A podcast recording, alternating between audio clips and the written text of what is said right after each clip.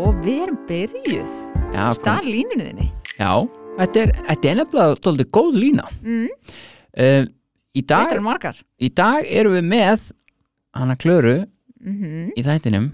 Velkomin. Takk, takk. Um, Ég er spennt. Já, ég er nefnilega sko þetta er í fyrsta skipti þar sem að uh, ég í raun og veru surprise að tinnu mm með viðmalda yep. Hún vissi í raun og veru ekkert hver var að koma. Og, og þetta var svona eins og að við værum að fá leinigest í, í podcastið. Það er hæp í kringum þetta. Uh, Ég veit ekki hvernig ég hafa mér uh, en við sem sagt, ætlum að spjalla við þig Klara. Já, uh, þú kannski bara segir okkur aðeins hv- hver þú ert því að Klara er frekar svona vítt. Já, ég sem sagt heiti Klara. Já, og ég er kona ok, á þrítusaldri ok. Það er líka mjög vítt. Já, Það er líka mjög vítt. Já, já. og ég hérna, já, búin að vera edru já, minn edru dagur er 27. oktober 2019 ok, vel gert. Já. Vel gert. Það er alveg frekar takk kærlega fyrir, takk. Tími líður svo rætt, sko. Maður er alveg þetta er geggjað, sko. Mm -hmm. þú ert uh, þú ert nú þú ert að gera margt í lífinu. Oh Ég- my god, ég hef verið að fylgjast uh, með þér í gegnum samfélagsmiðla. Yes. Og ég teki eftir því að þú ert þú ert svo sannlega ekki bara eitthvað að sitja auðum höndum á daginn að gera ekki neitt. Alls ekki, alls ekki. Þannig að þú ert svona hálfgjör aðtapna kona. Já, við hérna fjölskyldan opnum veitingastað ok, uh, fyrir rúmum fimm mánuðum núna. Okay. í kringlunni. Finnsson Bistro. Geðveikt. Og það bara gengur svakalega vel bara viðtökurnar sem við erum búin að fá eru bara ótrúlega sko. gleðið mig að heyra og hérna já, og þar erum við bara búin að vera sko. við erum búin að vera að plana þetta síðan já, í fyrra rétt fyrir jólin og hérna já, það er bara geggjað sko. bara styrla að gera og þetta er bara heldur mann alveg á lífið sko. Ok, það. Já, Geðveikt. takk, takk, vel gert takk. og þú ákvæmst að koma hérna í, í þetta podcast ég, Mhm. ég, ég hérna, það einhver tíman fyrir löngu síðan Mhm. og hérna síðan þá hefur nú eitthvað vatn runni til sjávar já, já og, og hér ertu nú komin til þess að deila uh, segja okkur endilega hvað hérna hvernig byrjar þetta hjá þér Uh, hvernig uppeldi þú veist, hva, hver er veist, sko, hver er Klara? hver er Klara? Litla Klara? Sko, litla Klara, hún krakka árin mín voru alveg frábær þú veist, síðan að ég man eftir mér þú veist, fættist, þú veist á góða mömmu og pappa og ekkert svona vesen eða neitt þannig þú veist, áttum heim í breiðoltinu ég var í öldursu skóla, var æfa mikið fótbolta, þú veist, á stóran bróður og lítinn bróður og það var svona við áttum svona smá svona the perfect eitthvað svona family, það var ekkert svona vesen allavega ekkert sem að ég vissi af. Okay. mamma og pappi voru, þú veist, passuð alveg að halda okkur frá öllu ykkur svona eitthvað sem að var í gangi eða væri eitthvað í gangi, ég veit það ekki. Uh, já, já, þannig að þú veist, lífið var alveg mjög, mjög fínt og hérna, ég var í öldursaskóla gekk reynda mjög illa alltaf í skóla. Okay. Þú veist, lesblind og búin að vera greind með eitthvað alls konar eitthvað rugl og fannst mjög leiðilegt að hlusta á fólk. Var að segja mér eitthvað hvað ég á að gera og svona. Það var, það var, ég vildi að ég geti farið tilbaka og hlusta á fólki sem var að tala við mig. Já, en ég bara gata ekki. Ég var ótrúlega þrjósk. En já, það var allavega til ég var svona 12 ára og þá kemur svona fyrsta svona högg í mínu lífi eða svona sem ég man eftir bara svona wow, og það var þegar fóreldarnir mínar ákveðu að flytja til Bretlands. Ég er sem sagt 12 ára gömul 2003 og þau bara segja mér þetta og við flytjum bara 3-4 mánuðum eftir það og það var svakalega mikið högg hjá mér. En okkur flytið sko þau voru alltaf búin að segja eitthvað þau vildi prófa að fara eitthvað annað og pappi var nýbúin að selja Argentínu steikhús sem að hafa með okay. og þú veist það var ekkit svona þannig eftir, þau langaði bara svona að prófa ok. og fórnildarnir mínir eru þannig að þau bara þú veist þegar þau ætla að gera eitthvað þá gera þau hlutina -hmm. og hérna við flytjum átn út og ég fer í skóla og kanninga önsku var lögði freka mikið einelti þannig að fyrsta árið svo endar það þannig sko að ég fyrir svona private girl school og það Ok. ég var bara svo löð mikið í einelti og þetta er menningin að út í Breitlandi þetta er allt öðruvísin er hérna á Íslandi Ok, allt í hennu var ég komið bara í eitthvað skúluniform og það var eitthvað voða skrítið ok. og hérna, já þannig að ég fer 14 ára í svona all girls school Mhm. og hérna þá byrja mér svona að ganga eins betur þá fæ ég mér aðstoð með lesblinduna óvirknina þú veist, það er eftir náttúrulega bo- borga fyrir skólan þannig að það er náttúrulega að gera allt fyrir þig. Hinn, Mhm. hitt var bara svona skóli, bara ríkin skóli. Mhm. en já, og það var þegar ég var 14 ára. Og það gekk bara svona ágætlega vel. Mhm. og hérna ég byrjaði svona að ganga eins betur í svona lærdóminum og svona, en samt var ég eitthvað, já, eins og ég sagði ekkert að fíla skólan og, og, og hérna það var eitthvað svona púkur í mér, sko. Ég var voðalega mikið að drífa mig að vera gömul þú veist, ég var allt, alltaf mikið að pæli í svona hvað eldra fólk var að gera og svona, veist, ég-. Já, ég var alltaf svona að pæla í fortíðin eitthvað svona. Og þegar ég var 14, það var þegar ég sem sagt dett fyrst í það. Ok. Og það var sem sagt, það er eiginlega svona að byrja ballið hjá mér. Var það normið þarna úti? Nei, sko þetta var júti. Á, ok. Þetta var þegar ég kom heim. Já. Pæliði í því. Já. Ég kem heim, Mhm. var hjá ömmu minn í grafavóinum og hérna vinkonum mér sem er tveim árum eldri hún er eitthvað, já, við erum að fara að hitta eitthvað en að stráka í einhverjum göngum eitthvað annað í skólanum. Og eitthvað, og ég eitthvað, ok, já. Og bara eitthvað, já, þeir eru að fara að kaupa landa. Og ég eitthvað, "Á, landa, ok, þú veist, allt í lagi. Svo mann ég svo vel eftir því, ég man eins og þetta gerist í gær, við vorum hana með einhverjum hóp, þú veist og þeir voru með svona tveggja lítra fanta flösku að landa, bara eitthvað, viltu smakka? Og ég eitthvað svona, ég viss að ég ætti ekki að gera það, út af að það var alltaf búið að lofa mér ef ég myndi ekki drekka, reykja og náttúrulega ekki taka neitt efni Mhm. fyrir ég er 17, þá myndi ég fá bíl Já. þannig að ég var alltaf að fara að gera það Mhm. ég var aldrei að fara að klúðra ekki að fá bíl Mhm. veist, bílir kosta peninga Mhm.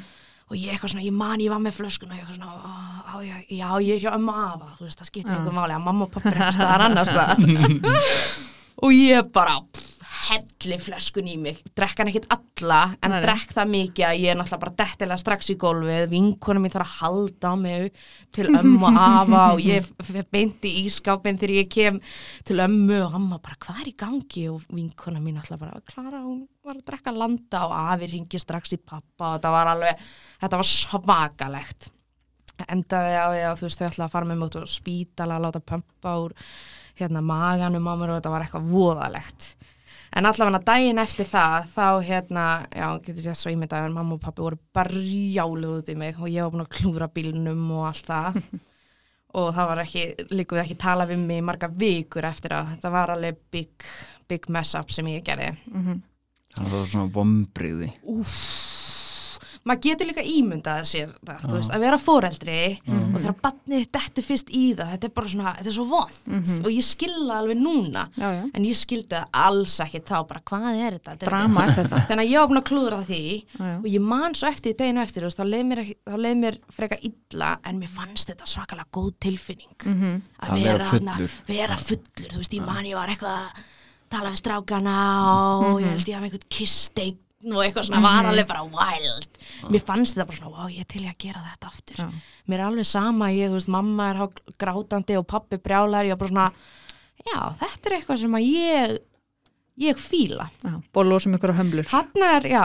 Já. og þetta var þegar ég var 14 og svo byrjar þetta bara svona fyktir í hjá mér, ég náttúrulega fer til Bretlands og þar er alveg normal þú veist um helgar, Mhm. það var ótrúlega mikið af fóreldrum þú veist sem að ég þekkti sem að voru að kaupa áfengi, þú veist 15 ára fyrir börnin og það, mamma og pappi voru aldrei þar Nei. en maður náði alltaf að redda sér Mhm. og ég var að gista hjá vinkonu minni þarna og vinkonu minni þarna og var Mhm. að gista, þú veist, ég passaði alltaf þetta er svo mikið féluleikur, ég var já. byrjuð bara að fela mig og ég var góð í því bara 15 ára eiginlega Mhm. og ég vissi eiginlega, ég myndi segja það veist, ég vissi alveg 15 ára að það væri eitthvað smá að hjá mér Ok. ég vissi að þetta væri ekki normal bara þú veist hvernig það var þegar við vinkonunnar þú veist 15, 16, 17 og maður byrjaði svona að djamma. Þú veist hvernig ég var alltaf. Þú veist ég var ekki bara svona þú veist já fáum okkur, kaupum hérna bara eina flösku eitthvað svona saman, ég vildi alltaf þú veist að vera fjóra, fimm og alveg eftir það meira og þú veist allt svona. Já. og ég var alltaf langfullust þú veist á djamminu, gerði mig alltaf fýbli var alltaf með eitthvað afturparti heima hjá mér og mamma og pappi brjáluð og veist, mér, það var bara þú veist, mér var alveg sama Mhm. um allt þegar ég var komin í glas Já. já, já, skipti mig engu máli Nei. sem er ótrúlegt þetta hvernig ég er í dag ég hugsa svaka mikið um þú veist, annað fólk og Mhm. þeirra tilfinningar en þá var ég bara, veist, mér var alveg sama En var það bara þannig þegar þú varst undir áhrifum eða bara almennt? sko almennt þegar ég var á þessum al- aldri þú veist, ég ég var frekar leiðil, leiðilegt bann á þessum Ok. aldri og úlingur Já. ég er búin að komast að því núna bara senustu 2-3 ára. Ég var bara leiðileg, þú veist. Það var ekki hægt að tala við mig. Mhm. þú veist, mamma, pappi, litli bróð mér einn að tala um og ég vildi ekki, þú veist. Mhm. ég fór bara, bara hætti þessu þú veist, ég má þetta alveg, ég get þetta alveg ég kann þetta alveg, þú veist sem er alveg ótrúlega þetta ef ég hefði hlustað þá væri ég örugglega ekki hérna hjá ykkur núna að tala um þetta. En hérna já en það var svona ég veit, ég veit ekki hvort að þú veist að flytja til Breitlands 12 ára, ég veit ekki hvort að það hefur eitthvað svona undirliggjandi eitthvað svona okkur ég er búin að fara með svona vínöfni og neyslu og svona, ég veit það ekki, ég myndi ekki segja það, ég var svo ung ég vissalega að mamma og pappi voru að gera rétt veist, ég var bara 12 mm -hmm. ég var ennþá að leika með barbitúkur hvað, þú veist, ég var ekkert Mhm. eitthvað svona pyrruð en svo hérna já, byrja ég í college þannig að 16 ára Mhm. að gera svona hospitality, svona rekstrar veitingastar, svona dæmi og ég fílaði það alveg í tætlur veist, mætti alltaf, var að fá góða reynganir, þá var ég að gera eitthvað sem að ég svona fílaði, Mhm. var að vinna líka pappi passaði alveg að ég byrjaði að vinna hann alveg bara þegar ég var 16 Mhm. vinna hverja helgar hann á veitingastað. Og svo já, byrja svona jam tímabili þegar maður mátti fara að jamma hann 18 ára. Mhm. og það var náttúrulega voðalega gaman alltaf á mánudagskvöldum föstudag, laugadag og það var alveg svona, það var alveg stuð. Ég var í góðri svona vinahóp og við vorum að jamma svona alveg fínt og þú veist, bara eins og venjulegt fólk gerir það má alveg jamma smá en svo gerist það að þegar ég er 21 ára sem sagt 2000 og þetta er nú með, ég er með þetta að skrifa hérna hjá mér en ég veit bara ekki alveg hvað það er en allavega, þegar ég var 21 þá hérna kemur önnu, önnu svona sprengja hjá mér Mhm. og það var þá ákvaða mamma minn og pappi og litli bróður að flytja til Barcelona Mm.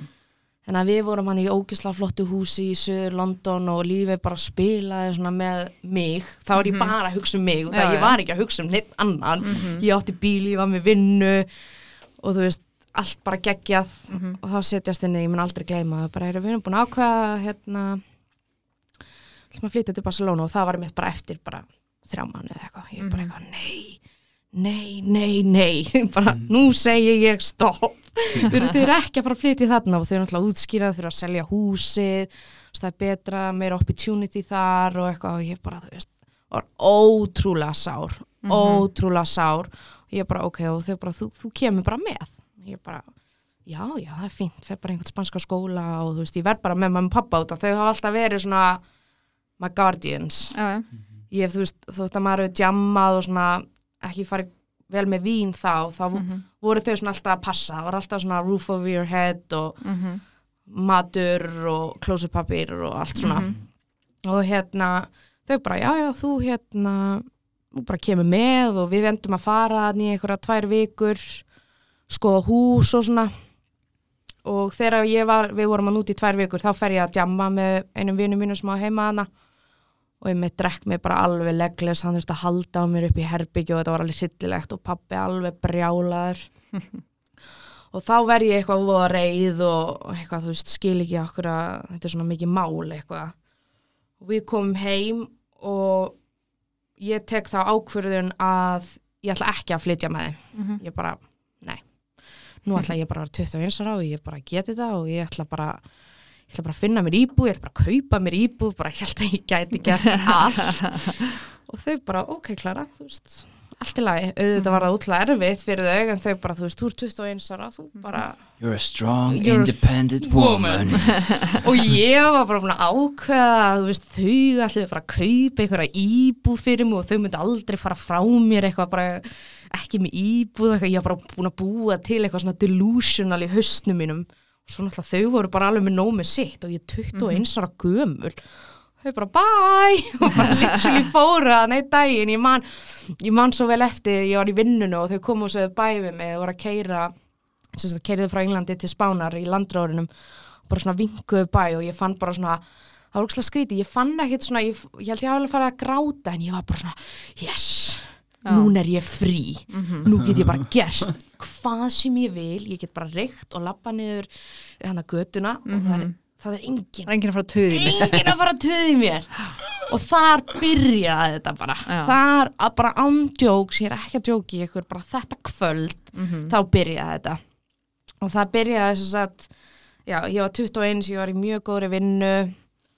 Jammi byrjaði bara að vera lengra ég var komið í íbúð það var alltaf eitthvað fólk í íbúðinni hjá mér gistandi og sofandi og þetta var eitthvað stórfurðulegt ég man svona ekki það mikið eftir þessu, þetta voru svona blör þú veist, þetta var svona í marga mánuði og ég meina vinkonu mína sem ég var að vinna með sem að komið hann í vinnuna einu svona spýt og ég byrjaði eitthvað að taka það smá þetta var bara, ég var bara stórrugluð.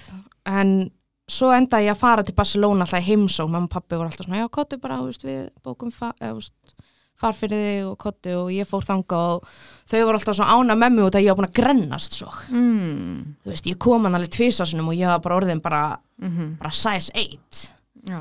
bara, vá, hvað þú ert flott. Og bara, ég bara, já, ég veit það þetta er bara svo geggjað.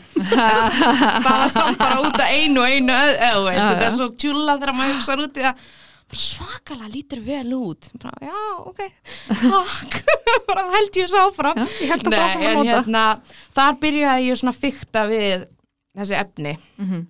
það var nú hann að spýt smá þetta við erum bara að tala um svona pínu pons. Við gerðum þetta smá svona modnana bara í vatn og hérna svo bara böstuðu við í gegnum daginn og bara geggjað. Þú veist maður borðaði ekkert.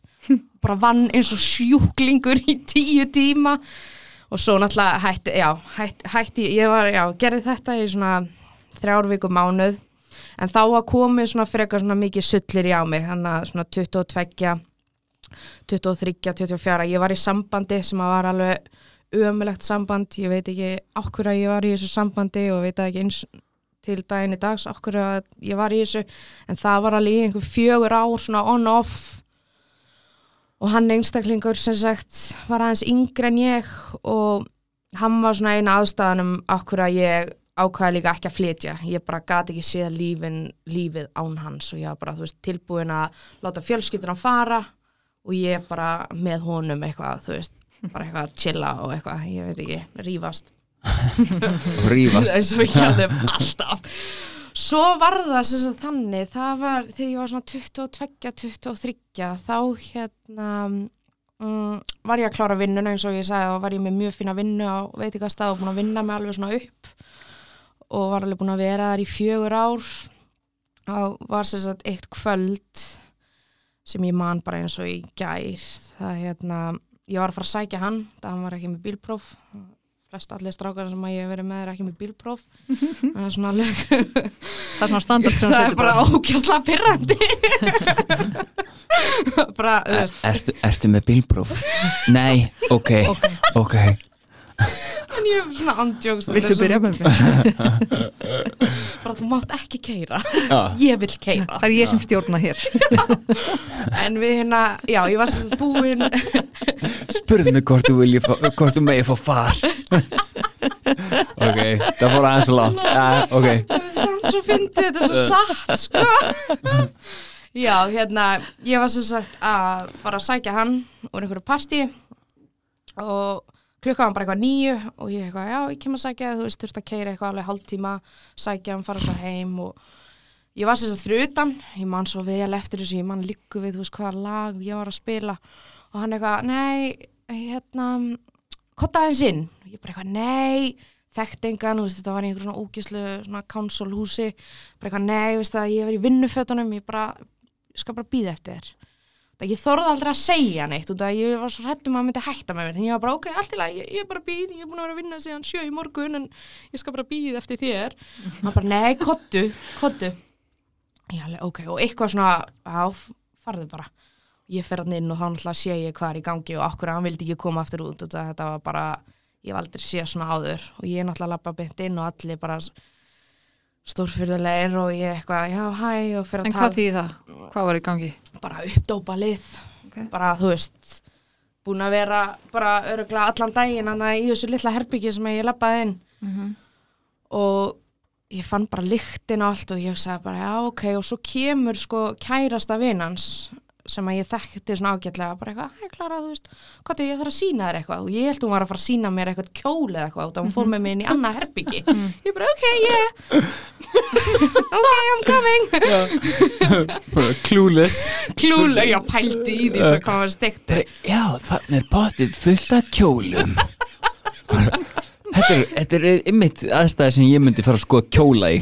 Já, ég er bara, ég er að segja það. viss út að ég var að segja við hann og er í vinnufötunum og hún var eitthvað svona Kotti, ég er með föt eða eitthvað. Og ég Ah, svona, ja. nei, ég er ekki að fara í einhver föt af þér, þú veist, ég er ekki alveg, við erum ekki á sama leveli. Þú veist og já, þar fyrir við inn. Og hérna og þar bara kemur hún með svona hérna DFFD, hvað heitir þetta, case, DVD case. Já.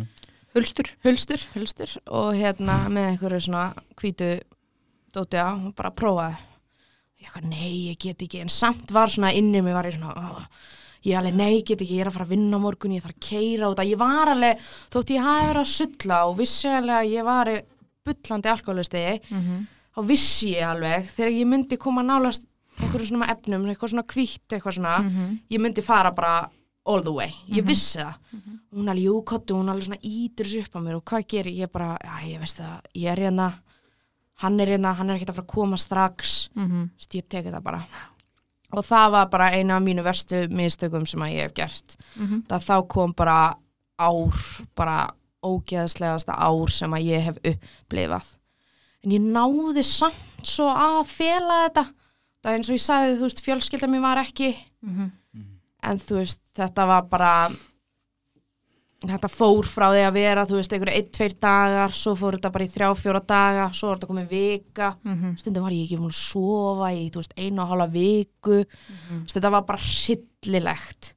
Og ég var svo ég vissi að ég væri svo veik en ég samt var ekki búin að gera mig grein fyrir því að ég þurfti að fá hjálp. Mhm. ég var bara svona, æ, ég, ég sorti þetta bara út í, í næsta mánuði eða eitthvað, þú veist. Þetta er allt í lagi alla vink, æsku, æsku vinkonuna mínar farnar, þú veist, það nefndi enginn svona eitthvað að hitta mig, við vorum bara svona að grúpa saman, alltaf saman byrjum, þú veist, á miðvíkudag, fimmtudag.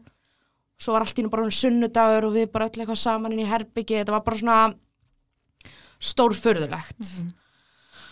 Og svo samt held ég alveg vinnun en þá sko. Ég var alveg hörku dugleg í henni.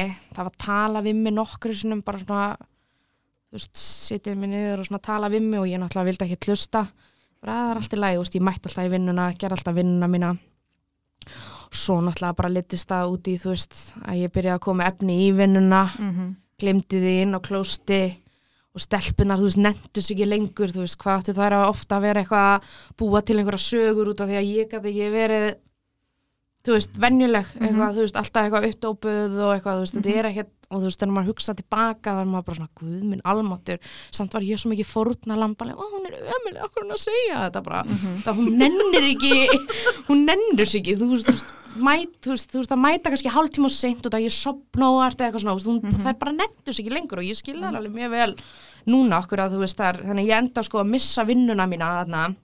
Á 20 á 24 23 fjara. Og það var ótrúlega erfitt. Og það erfiðasta við það var að mamma kom að heimsækja mig. Og hún vissi náttúrulega þau vissu ekkert að þessu. Ekki neitt. Og það var mér svona segi frá það ljótt en það sko, hún kom til mín ég sótt hann upp á völl. Og ég var búin að eiga alveg því líkan bendir hann að vikun ára hún kom. En þú veist hún all, tók ekki eftir henni hvernig átti hún að vita svo var hún upp í herbyggju sofandi og ég man að ég var niðri bara á fullu bara ég, ég var bara ein sko Mm. ég, mér fannst þú að gott bara að vera eitthvað svona fykta ein og Mhm. þú veist, að vera að dópa einn, mér fannst það bara mjög fínt. Mér fannst það leðilega að vera með fólki. Veist, ég, fólki að fara að vera fyrir þér bara. Já, ég bara var með, veist, hlusta tónlist og spila leiki og var bara eitthvað í svona mínum eigin heimi, bara eitthvað, yey, þetta er geggjað. en hérna, já, þannig að mamma var hjá mér þegar ég sérst fer í vinnuna þarna og það er bara yfirmaðurinn og einhver rekstarstjóri og yfir yfirmaðurinn bara klara við um að setjast niður á fundjana með þér. Og ég var bara, ó nei, bara klúðra drauma vinnunni minni, bara mm. ég trúi þess ekki, hvað á ég að segja við mömmun og pappa það var bara fyrsta, þú veist, ég var búin að vinna hana síðan ég var alveg bara átján þú veist, þetta var alveg þetta var ógeðslega leðilt og ég man ég fór alveg út í bíl og bara eitthvað, mamma ég er búin að missa vinnuna. Eitthvað hvað, þá náttúrulega bara bullaði maður eitthvað, ég man ekki einu sinni hvað ég sagði við hana. Mhm. eitthvað, ég mætti seint tvisar og þau eru eitthvað ógeðslega leðileg með það Guð, það er nastnalegt, bara fyndið þér aðra vinnu. Ok, allt í lagi, þú veist þetta var bara þannig, skilur en það var alveg ótrúlega, le ó, ótrúlega leðilegt og það var svona þegar þetta var komið alveg í svona já, dóldi dýp, dýp staff hjá mér, sko. Maður var, þú veist ég var alls ekki á góðum stað og þú veist, ég missi húsnaði líka sem ég var í og þú veist, mér fannst eitthvað allir vera á móti mér og þú veist, maður var svo mikið fórnalamb Mhm. En samt var maður sjálfur bara keksruklaður sko. Þetta er samt hugafar sem að er svo gaman þegar maður fær hérna fólk í, í hlaðvarpið sem að það lýsir hugarfarinu sínu samhliða atburðarás og, og það er svo fyndi sko. Ég tengi rosalega mikið við þetta. Að allt í einu var lífið á móti mér allt í einu voru allir svo vondir og tillitslausir við mig. Og, og það svo fyndi að það er eiginlega á sama tíma og ég byrja að nota. Þú veist, þá byrjar það að breytast. 100% og, og, og, fólk svona, þú veist fólk sem er að hlusta og er kannski jafnvel í neyslu að- fyrir þá sem er að hlusta að pæla þessi því hvenar fór lífið að verða mest á móti þér? Það er öruglega í kringum og byrjar í neyslu. Að það er bara eiginlega bara bókað 100% að það er svona hugarfar sem fylgir bara neyslu. Og það tekur alveg smá tíma fyrir mann að fatta. Það. já, Þú veist, ég myndi segja að ég fattaði þetta kannski fyrir svona ári síðan. Mhm. og ég þrítu núna. Mm, þú veist, ég hef hugsað bara til fólks sem að ég, þú veist, hitti eða var að vinna hjá eða eitthvað svona og ég bara, guð minn, almáttur klara, bara, jésús, hvað er að þér? Þú veist, maður er ekki, þú veist, og ég hef engum að kenna með mitt, eins og mína neyslu og þetta sem allt þetta bull sem ég kom mér í nema sjálfur mér, ég kenni engum öðrum um það. Þú veist, ég hef aldrei verið eitthvað "Ö, ég flutti þegar ég var ung eitthvað, veist, aldrei eitthvað, þegar mamma og pappi fluttið bara sér, þú veist, þú ert 21 ára, það er sumir komið þrjú börn og mann og þú veist, róaði þig. En ég hérna já, það er sem sagt þá. Og þá var eiginlega lífið daldið ömulegt alveg hryllilegt, en ég kom mér sko út úr þessari neyslu sem að var alveg daldið hardcore. Ég kom mér út úr henni uh, sjálf. Og ég færði, sem sagt, þegar ég byrjaði þessa neyslu þá var ég voða lítið að drekka. Maður drekk eh, mjög lítið með þessu efni og þurftir ekkert að gera það. Þannig að þá hætti ég svona daldið að drekka en þe- þegar ég hætti sem sagt í þessu efni og það ég bara gati ekki tekið það lengur bara, það var bara að byrja að stórsjást á húðinu minni og ég var bara að byrja að breytast og ég var bara shit. Og svo googlaði ég bara þú veist, what does a person look like og eitthvað og ég var bara, já nei. Ég það glemdi, bara nei, nei, nei, nei. Nú færum við færum við ykkur yfir eitthvað annað. Og þá fer ég aftur í áfengið. Mhm. og þá tekur náttúrulega bara við bara ógeðslegt sullir í bara ógeðslegt og bara á hverjum degi bara 24-7 bara í vinnunni þá var ég, náði mér í aðra vinnu og það var dóltið svona mm, veit, alltaf veitingastæði sem ég var að vinna. Þetta var svona pub. Mm. og þetta var svona dóltið svona frjálspöpp og þar var maður bara dóltið að fá sér bara, þú veist, eftir hátegismat og maður var alveg, þú veist, ef maður var ekki byrjað að finna á sér svona um 5-6 litið þá var eitthvað að. Þá varst maður ekki að sinna vinnunni þinni. Jú, jú, ég var, sva, ég var alltaf góð í vinnunni minni. Já, en þú varst ekki að byrja að finna á þér Já, varstu þá ekki- var ég ekki að sinna vinnu Nei. þá þurfti ég að þá varst aðeins að fara að hætti sig. Aðeins að fá mig meira.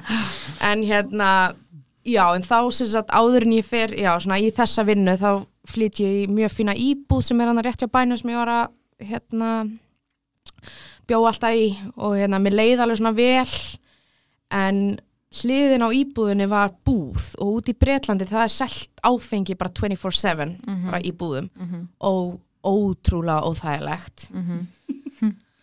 Og ég átti hliðin á ég átti heima hliðin á búðinni. Þú bara labbaðir yfir götun og ég var komin. Og þetta var náttúrulega hendaði mér alveg svakalega vel.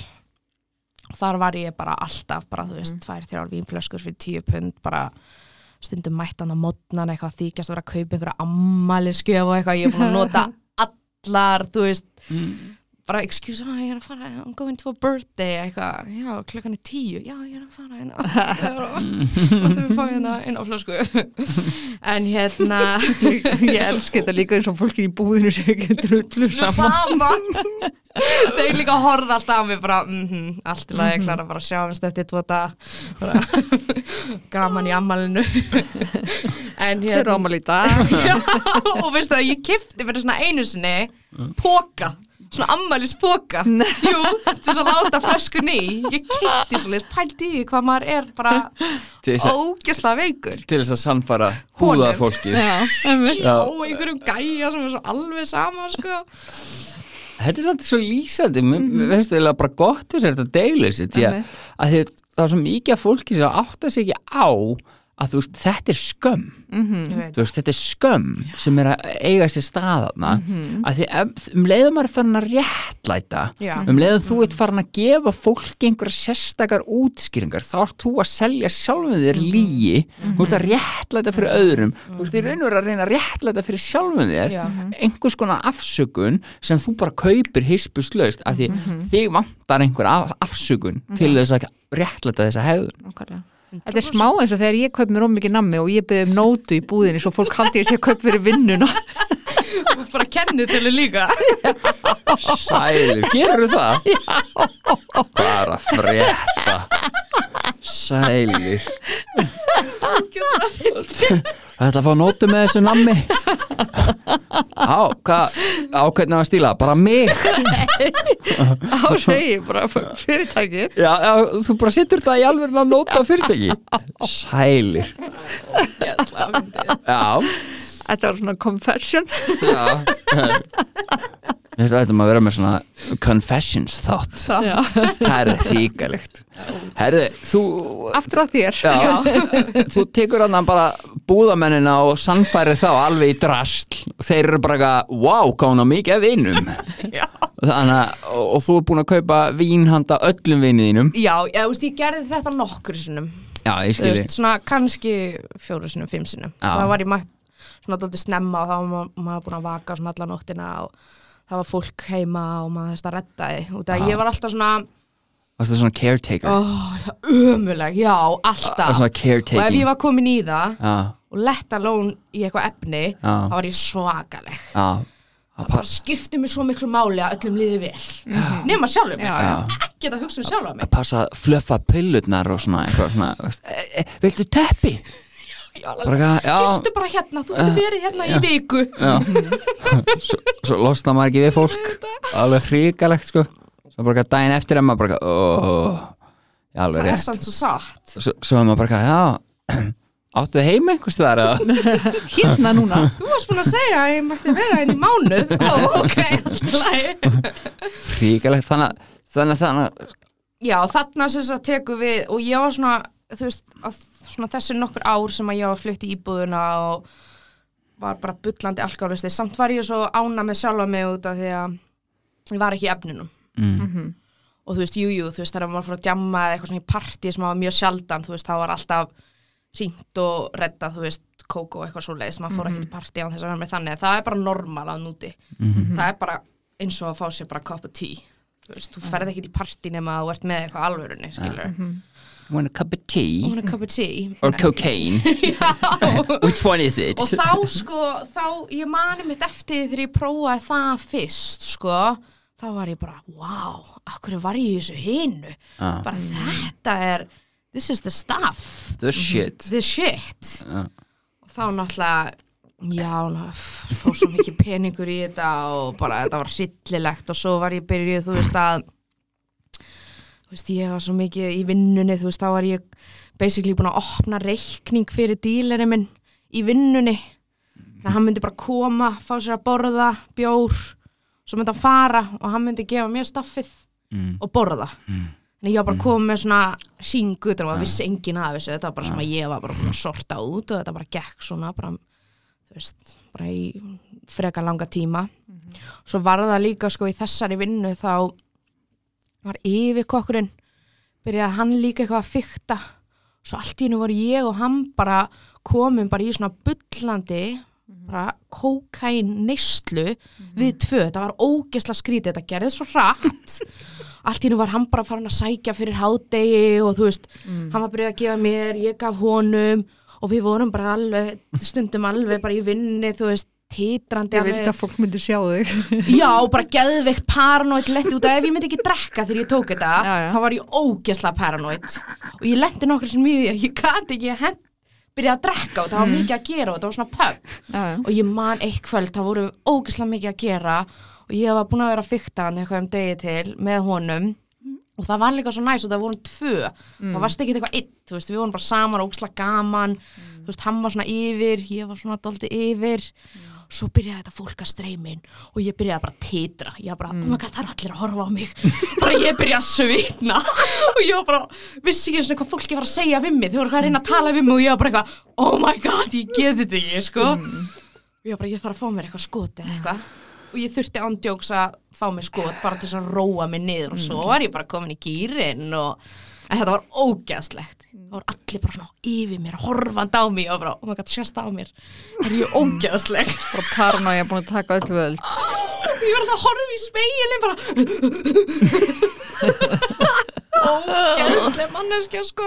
En, en til, fyrir hlustaðan bara svo, fyrir þá sem maður gerir sér ekki grein fyrir því en, en kókain er með þeim hætti eitt af þeim efnum sem getur búið til gríðala paranói við litla, þú þarft ekki mikið af því veist, og, og sérstaklega fólk er að taka það kannski ítrekkað í einhver tíma að þá svona í, í, veist, þegar nýbúið að fá sér og ekki búið að fá sér neitt annað að þá getur orðið gríðala paranói og, og það getur upplifað bara svona algjörlega venjulegar aðstæður.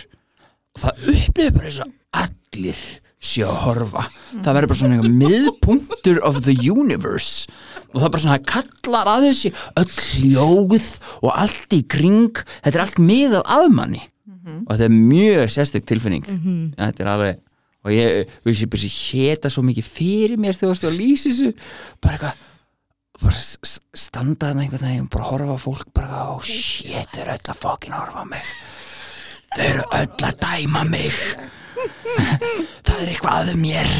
Ég sé þetta svo fyrir mér sko. En svo var það líka þannig og svo, þú veist, þegar þetta gerðist alveg marg, marg oft, þú skiptir ekki máli að það var mánudagur, miðugudagur, skiptir engu máli hvaða dagur það var, þá var ég bara klar að vera að hætta þessu, þið líður ekkit vel yfir þessu. Þú getur ekki verið að hella í því en eitthvað vodka og lemonade klukkan eitt. Þú veist, það er leikt að því þú ætti eftir að missa vinnuna, þú veist, þú getur þetta ekki en samt gæti ég ekki stoppa því, þetta var svo skrítið og ég man sko þú veist, ég man einu sinni þá var ég í öðru sambandi með hérna manni, þess eldri en ég og hann hérna hann var voðalega mikið hérna reykja gras sem að bæða vegi í Breitlandi er bara normal Mhm. mm. þú veist, það er ekkert að því að reykja gras á kvöldin þú veist, bara stelpur, strákar, það er ógæslega allt öðruvísi en hérna Mhm. Þú veist, hérna þú ert að reykja gras þá þarfstu bara náttúrulega að fara í meðferð og þetta er bara dópist þá ertu bara dópisti, þar er það, þú veist, og það var úkslega normal, þú veist, við byrjum hana saman. Þú veist, hann byrjaði ekkert eitthvað strax.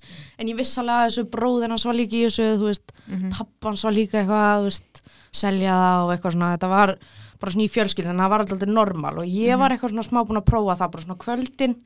Og ég var ekki að fíla það, ég var bara eitthvað svona parunat var óksla svöng var ekki að fíla samt held ég áfram að prófa prófa og veistu það, ég prófaði það þangað til að ég fílaði það. Já, og það kom bara, bara kvöldin að ég gata ekki farið að sofa. Og það var alltaf sama Ma, ég bara svona, fekk svona, svona nokkra puff borðaði eins og hestur fór svo að sofa og svo bara aftur um kvöldið. Og þetta var bara svona rútínan okkar í alveg gott eitt og hálft ár.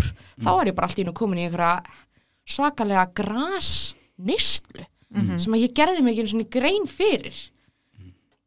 Hérna Svo fyndi hvernig þetta þróast. Þetta er ókjæsla að fyndi og það er eins og, þú veist, síðan að þú sendir á mig að koma þá er ég búin að hugsa þetta og ég er bara, hvað minn almáttur hvað er að mér? Hvað er búin að vera að gera?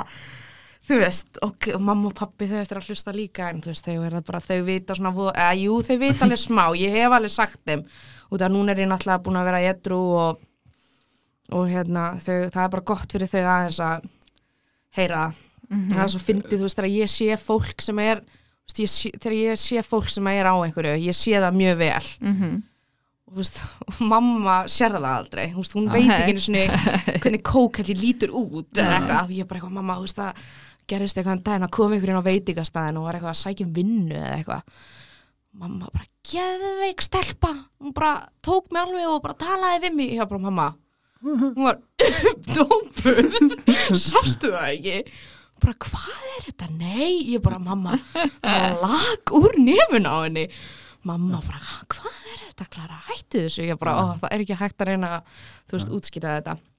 En hérna já, ef ég held áfram með söguna. Þetta var sem sagt, hvað myndi ég segja? Ég er svona, já, ég er 26 þarna þú veist, það var svona lífið ég myndi ekki segja að það var eitthvað svona þú veist, það var bara þessi grasreikingar og áfengið þú veist, ég gat ekki látið áfengið vera þú veist, ég drakk ándjóks ég held eins og ég segja á fundunum hjá mér þú veist, ég búið að vera alveg 11 ár bara að neysla og með áfengið, þú veist, það voru margir mánuð sem að liðu sem ég var, þú veist, bara á hverju einasta kvöldi Mhm. sem að fekk sér eitt glas eða tvö eða og svo hérna þegar ég er hérna 2018 eða sem sagt 2017 þá hérna ringja mamma og pappi í mig og ætlaði að hafa ekki fundið á því að ég var ekki, þú veist, á góðum stað þú veist, ég var í þessu sambandi og það var allt eitthvað á móti mér og allir svo ömulegir og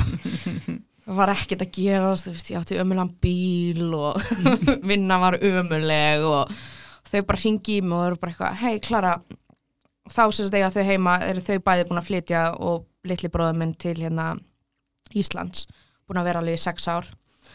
Og hérna þau bara eitthvað, já Klara við hérna, við erum að spá í að fara að opna hérna veitingastað. Og hérna við bara varum að spá í hvort að þú vildir ekki bara koma og, og opna hann og bara hjálp eða veist, bara vera yfir honum og bara vinna. Og ég bara án þess að hugsa var ég bara, já.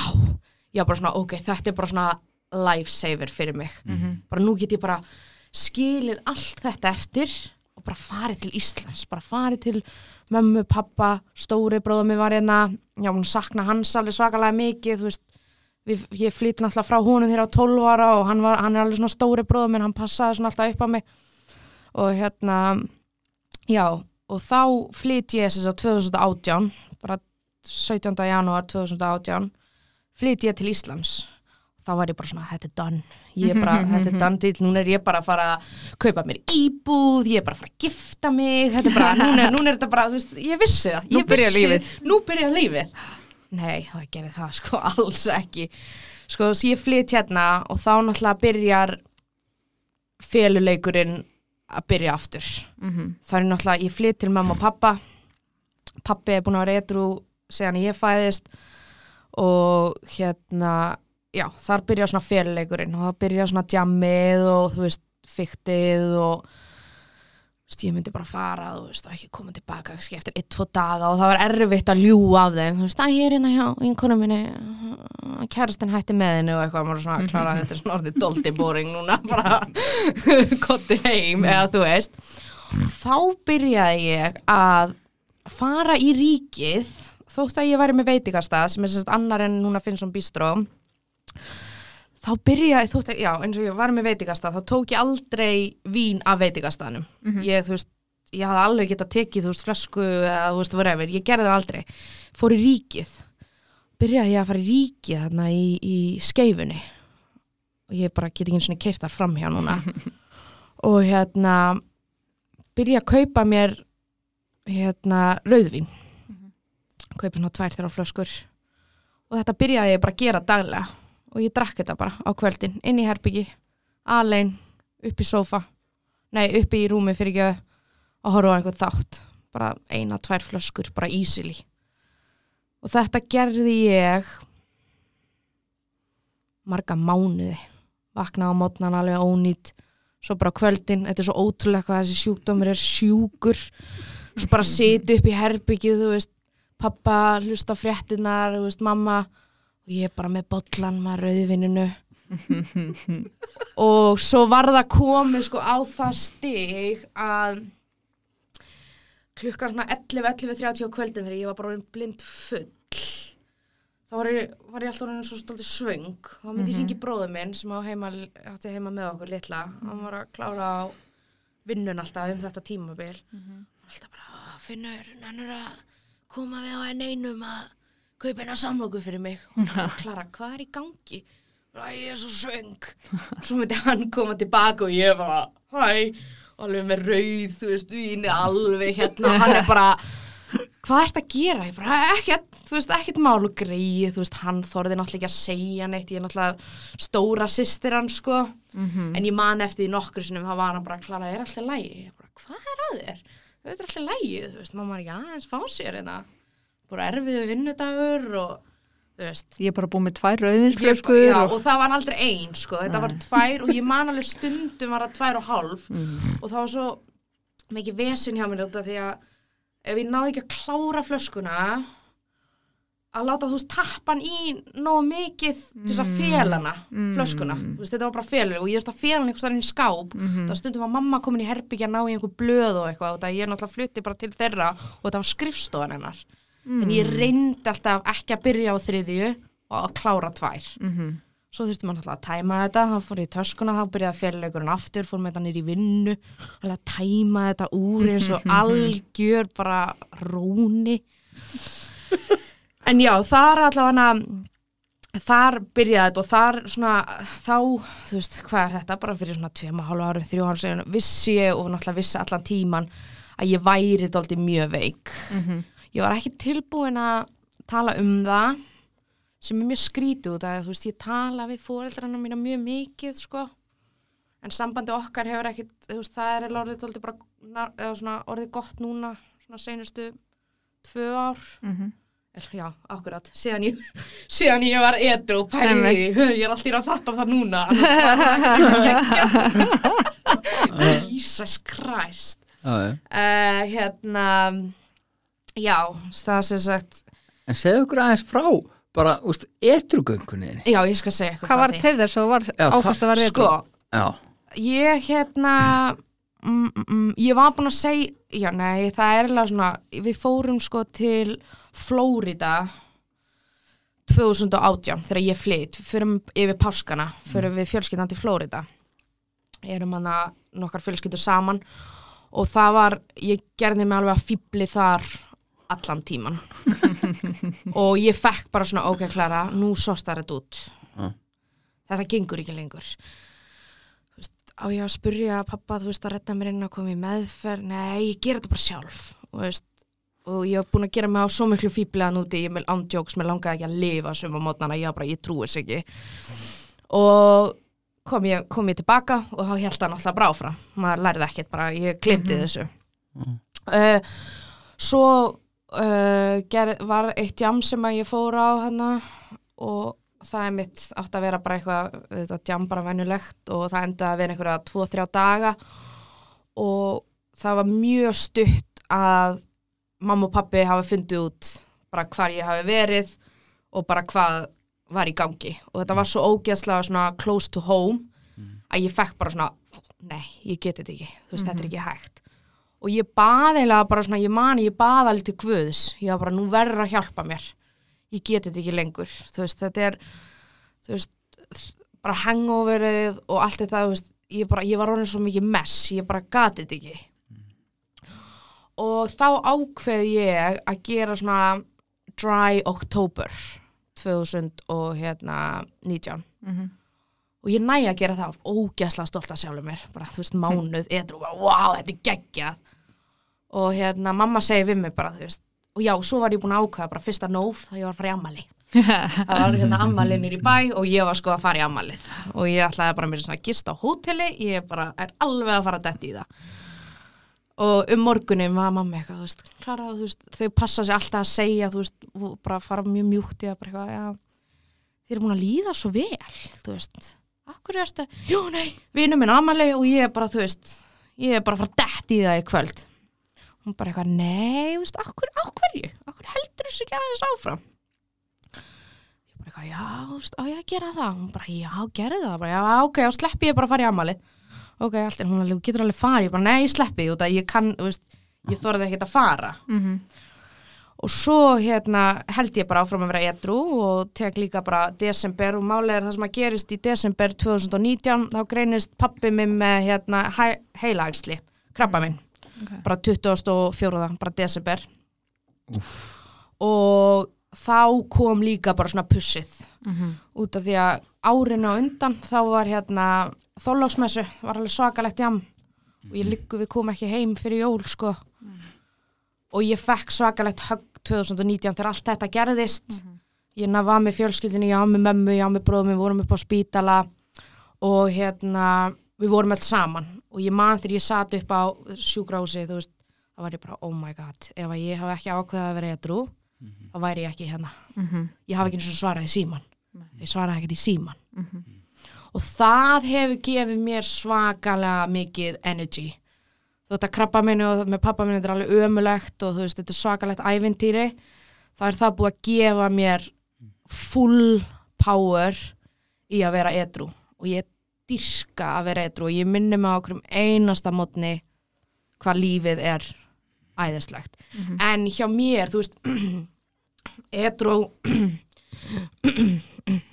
edru mennskan þú veist, út af því að ég hætti fyrir tveim árum og ég út, útskýr þetta mjög oft á fundunum líka þá hætti ég bara, ég bara náða að hætta alveg sjálf og ég gleyma alveg að vinna í sjálfu mér. Mhm. fór ekki meðferð uh, fór á að fundi byrjaði svona semja að vinna í spórunum en ég fattaði ekkert svona hvað þetta var svona væri, ég bara hætti og held að maður þurfti ekkert að hættaði bara nóg Mhm.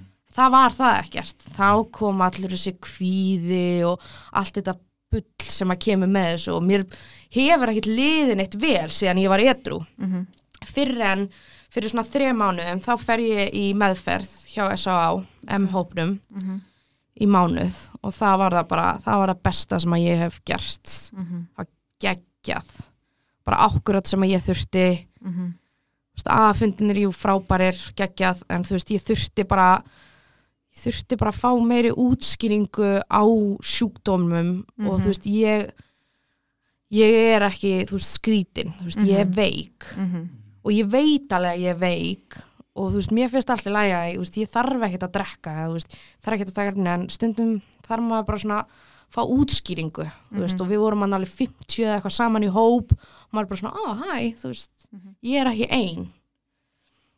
Það er búin að hjálpa mér alveg svakalega, svakalega mikið. Fer ég náttúrulega á fundi og hérna og eins og ég sagði, þú veist, svo er þetta bara fjölskylda mín, þú veist, ég það er ótrúlegt það gera svo margir hlutir oft og ég er bara svona, wow ég hafi ekki einu svona tekið eftir þessu ef ég væri ennþá, þú veist, í sulliríunu og ég væri alveg örugla ekki, ég held að ég væri örugla ekki að hérna ef ég hafi ennþá verið að sulla og pappi hafi greinst út af að ég hef Já. ekki getað að díla við það og hvernig þetta er búið að vera og þetta er bara svo ógislega erfitt Mhm. ef ég hafi verið með eitthvað til þess að deyfa mig eða eitthvað Mhm. ég hafi örugla bara, þú veist bara gonn, sko. Og það finnst mér ógislega skeri Mhm. út af að ég myndi ekki vilja gera fjölskyldinu minni það Mhm. og ég hugsa alveg oft um það bara, shit, þú veist það ha- hafa alveg komið tíma sem ég bara, þú veist, ó það var ég næs að fá sér, veist, einn sopa og svo er ég bara eitthvað, nei, klara, þú veist Mhm. ég er búin að fara til útlanda núna tvís og þrísvar og þetta er bara, þetta er bara geggjað Mhm. vakna mótnana bara, þú veist, þurfa ekki að fara beint á klóst eða æla. svo ekki bónus.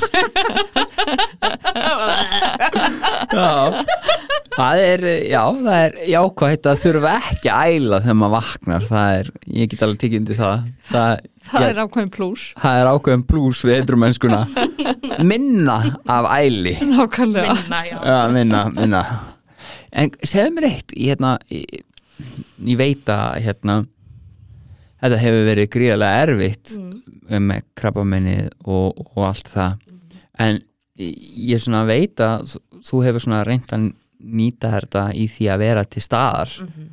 Eh, hafa samskipti ykkar eh, orðið betri eftir að þú varst edru Já, hjá mér og pappa Já. Úff, já. Þið tengst? Já, svakalega, sko, hann hefur alltaf, málið er með pappa, sko, hann hefur alltaf verið bak við mig, alltaf bara síðan að ég fættist, hann fer í meðferð Mhm. þegar ég er tveggja, þryggja mánu segir mamma við hann bara þú ferð inn núna inn á vok annars þú veist get ég þetta ekki.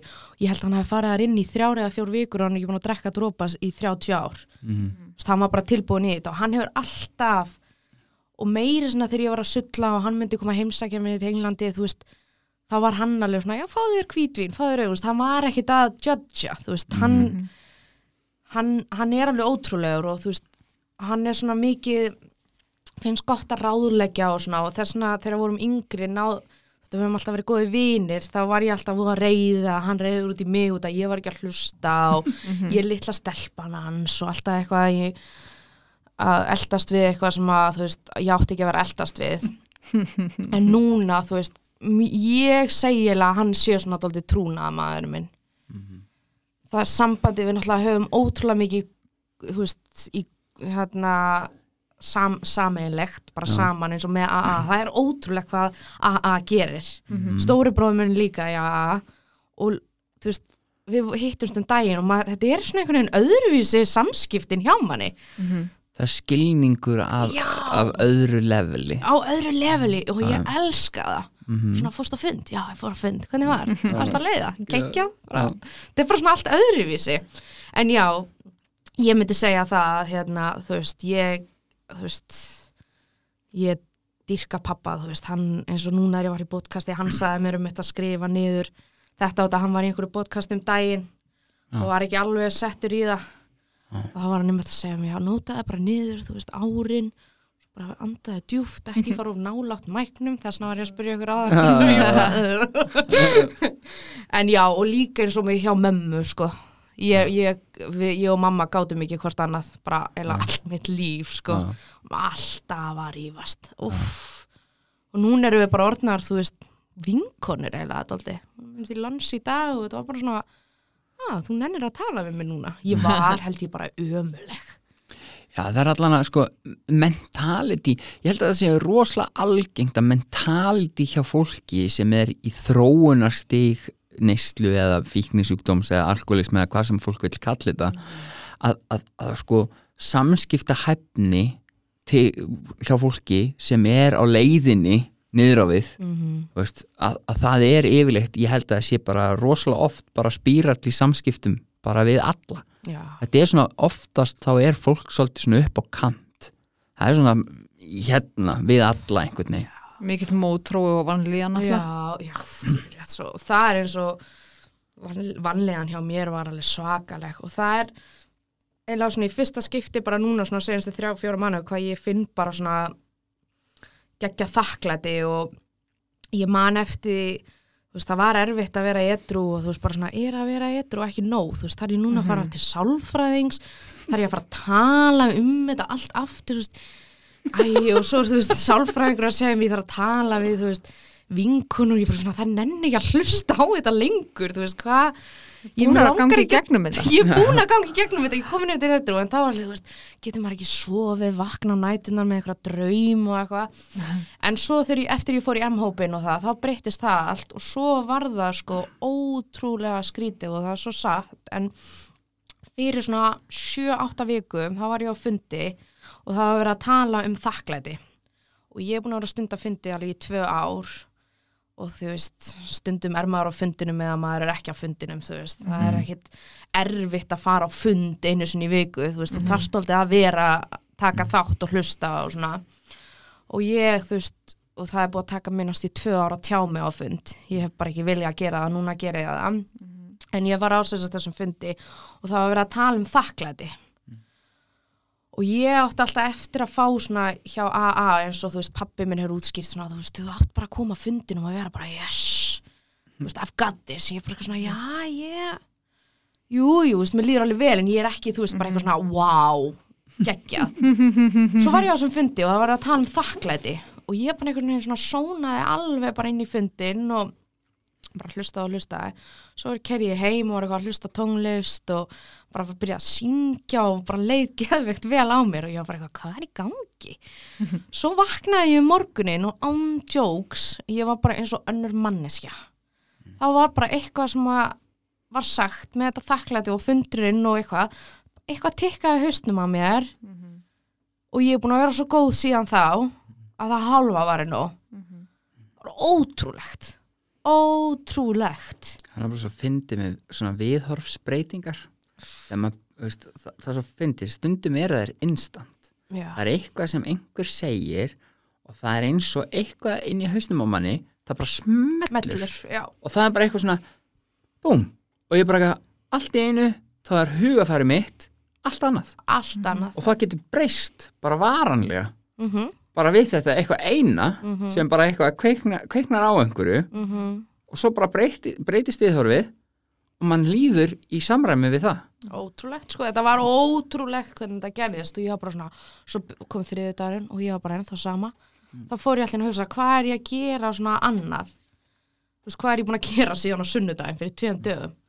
Það er bara þetta þakklæti, ég er bara þakklæti, þakklæti, þakklæti, þakklæti, bara mm. vá hvað ég þakklæti, bara vera á lífi, vera hérna, með fjölskylduna mína, góða vinnu, bara, og ég þarf að minna mig á þetta, ég geri það alveg, þú veist, þrís á fjóru sinum að dag, þú veist, ég feg með arilusbænina á mótnana, á kvöldin, stundum á degi til að það er erfiðu dagur, þá er ég bara hérna, mm. ég er með staffið í vinnunum, ég er að kenna þeim það, íslenska arilusbænina, þú veist, ég, Já, það er bara já, ég er allavega mjög þakklátt mjög, mjög þakklátt mjög þakklátt Það er mjög gott. Tina, Mhm.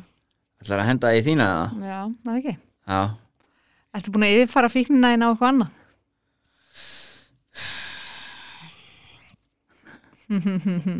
ánægð með það, hún, allan, hún tók, er að taka sér tíma í að hugsa þetta Já. og þetta var ekki bara svona, nei, Ég lofa. það er hugsun og baka Mhm. Já, eða þú veist ég myndi ekki segja fík þú veist ég er náttúrulega daldið svona vinnufík Mhm. en þú veist, ég tek mig alveg frí og svona en ég er daldið matafíkil sko Ok. ég get alveg mist mig í mat Mhm. og stundum er ég bara guð minn almáttur hvað er að mér en nei, ég myndi, þú veist, ég er ekkert Mhm. þú veist, jú, ég veipa það, þetta er svo bara Mjög heiðarlegt bara. það er bara mjög basic sko já. Þetta er, þetta, mér finnst það veistu hvað, mér finnst það ógíslega gaman. Það er bara hvað þú er búin að segja þessa, frá, þessa frásögn bara svona þetta er búið að vera svona fyrirhafna löst þetta, er svona, þetta er svona þetta er ekki erfið frásögn. Og svo við höfum ekki þurft að hérna eitthvað, draga eitthvað upp og þú veist svona þetta er svona, já þetta er virkilega þetta er búið að vera mjög skemmtilegu þáttur. Mjög. Ég var líka bara búin að ákveða, þú veist, þegar ég sendaði, ég man ekki, fyrir einu, tveim vikum eða eitthvað ég er búin að hlusta á podcastin þú veist, ég elska að hlusta á fyrir og það. elsta, veist, bara að hlusta á svona sögur og svona, ég bara Mhm. dýrka ég býð bara eftir næsta þátt að koma. Og svo var ég bara eitthvað svona klar að senda á hann, gerðu það þú veist, þú ert með geðveika sögu. Svo nei, jú, nei. Og svo sendi ég á því og ég var bara nei, nei, hvað er ég búin að gera Já, og svo sendur við líka bara eitthvað, herri þú, við þurfum að taka þetta upp áður en ég skiptum skoðun. Ég Bara- bara, bara, bara ég, ég á lausar tíma í næstu viku bara eitthvað, og við þurfum að gera þetta áður en ég skiptum skoðun Vel gert. ánæði með það. Æ, ég þurfti samt bara á þess að halda. Þetta Já, er- bara Þetta er geggjað. geggjað, sko. Þetta er geggjur saga og líka bara, þú veist, gaman líka að heyra. Það, mér finnst alltaf voða gaman að heyra sögur sem, þú veist, eiga sér stað líka út í útlöndum. Mér finnst það líka svolítið svona, mm svona spennandi því að veist, og ég tengi náttúrulega við að ég flutti til útlanda þegar ég var yngri og ég, ég, þú, veist, þú talar um þetta svona, og gerir svona pínu lítur þessu en það er ógeðslega erfitt að breyta um umhverfi. Þú breytir um tungumál, þú breytir um samfélag þú breytir um allt, all, all, alla reglur samfélagsins það er breytast, það er breytast instant. Þetta er ekki, þú veist, það er engin aðlugunar neitt, það er ekki svona já, nú, nú setjum við inn tvær reglur frá Eng- Englandi í lífið þitt skilur og svo næsti viku, þú veist, þá færðu tvær nýjar, það heldur þetta bara að þú kemur inn í nýtt land, nýtt fólk, nýtt allt and then adapt. Þú veist, og svo ertu bara að aðlaga þig. Mm. og, og þegar maður er á þessum aldri þú veist, þetta getur verið flokka sem áfall. Mhm. að því að þú veist, þetta er gríðalega stór breyting á hana singular event sem að uh, breytir öllu fyrir þig. Og það breytir í raun og líka hver þú þarft að vera. Mhm. þú þarft í raun og að breytast í kjölfara því að þú flyttir út af því að það er bara allt öðru sér reglur allt öðru sér drasli gangi þar heldur en það sem þú þurftir að vera hér Mhm. og hana en, en mér finnst þú geðið gaman að fá svona alls konar uh, svona feeling og, og mér finnst geggja að þú bara eins og þú veist að segja með þetta skólafötin bara eitthvað, er fólk í alvörun bara ennþá í skólafötum þú veist, Það er bara school uniforms í Breitlandi. Já, já. ég láttu Guð hjálpa, ég Já. var í pils. Og það máli var að finna við það að sko, út af mamma og pappi fara eftir svona öllum reglum og svona. Uh, og þetta var public school sem ég var að fara í. Og ég man svo eftir þessu. Og þau, þú fær bara svona blað þú veist, þú ert að kaupa þessa sokka, þetta, þarna, þetta, þetta, þetta, þetta svo þú fer í eina búð og þú ert að kaupa allt þetta. Og svo dressaði mamma mig bara alveg, þú veist, hana skirt below knees, socks up high og þetta allt svona er. og það er mynd af mér, sko. Ég fór, þú getur þessu ímynda ímynda eitthvað hvernig ég leit út að mæta í ég er átta með, þú veist, úlingum þú veist, þetta voru 12-13 ára krakka þá horfðu allir á mig og voru bara Guð minn almatur, bara viltu fara úr þessum sokkum? Og viltu fara með pilsi aðeins upp og þetta var bara, þetta var svo svakalegt sko. Það gerst svo grína mér? Já. Herðu, þið klikkaði þáttur já, þetta var skemmtilegt. Thank you. Það var mjög skemmtilegt. Takk takk fyrir að koma og deila Takk fyrir sögninni að koma. Takk hérlega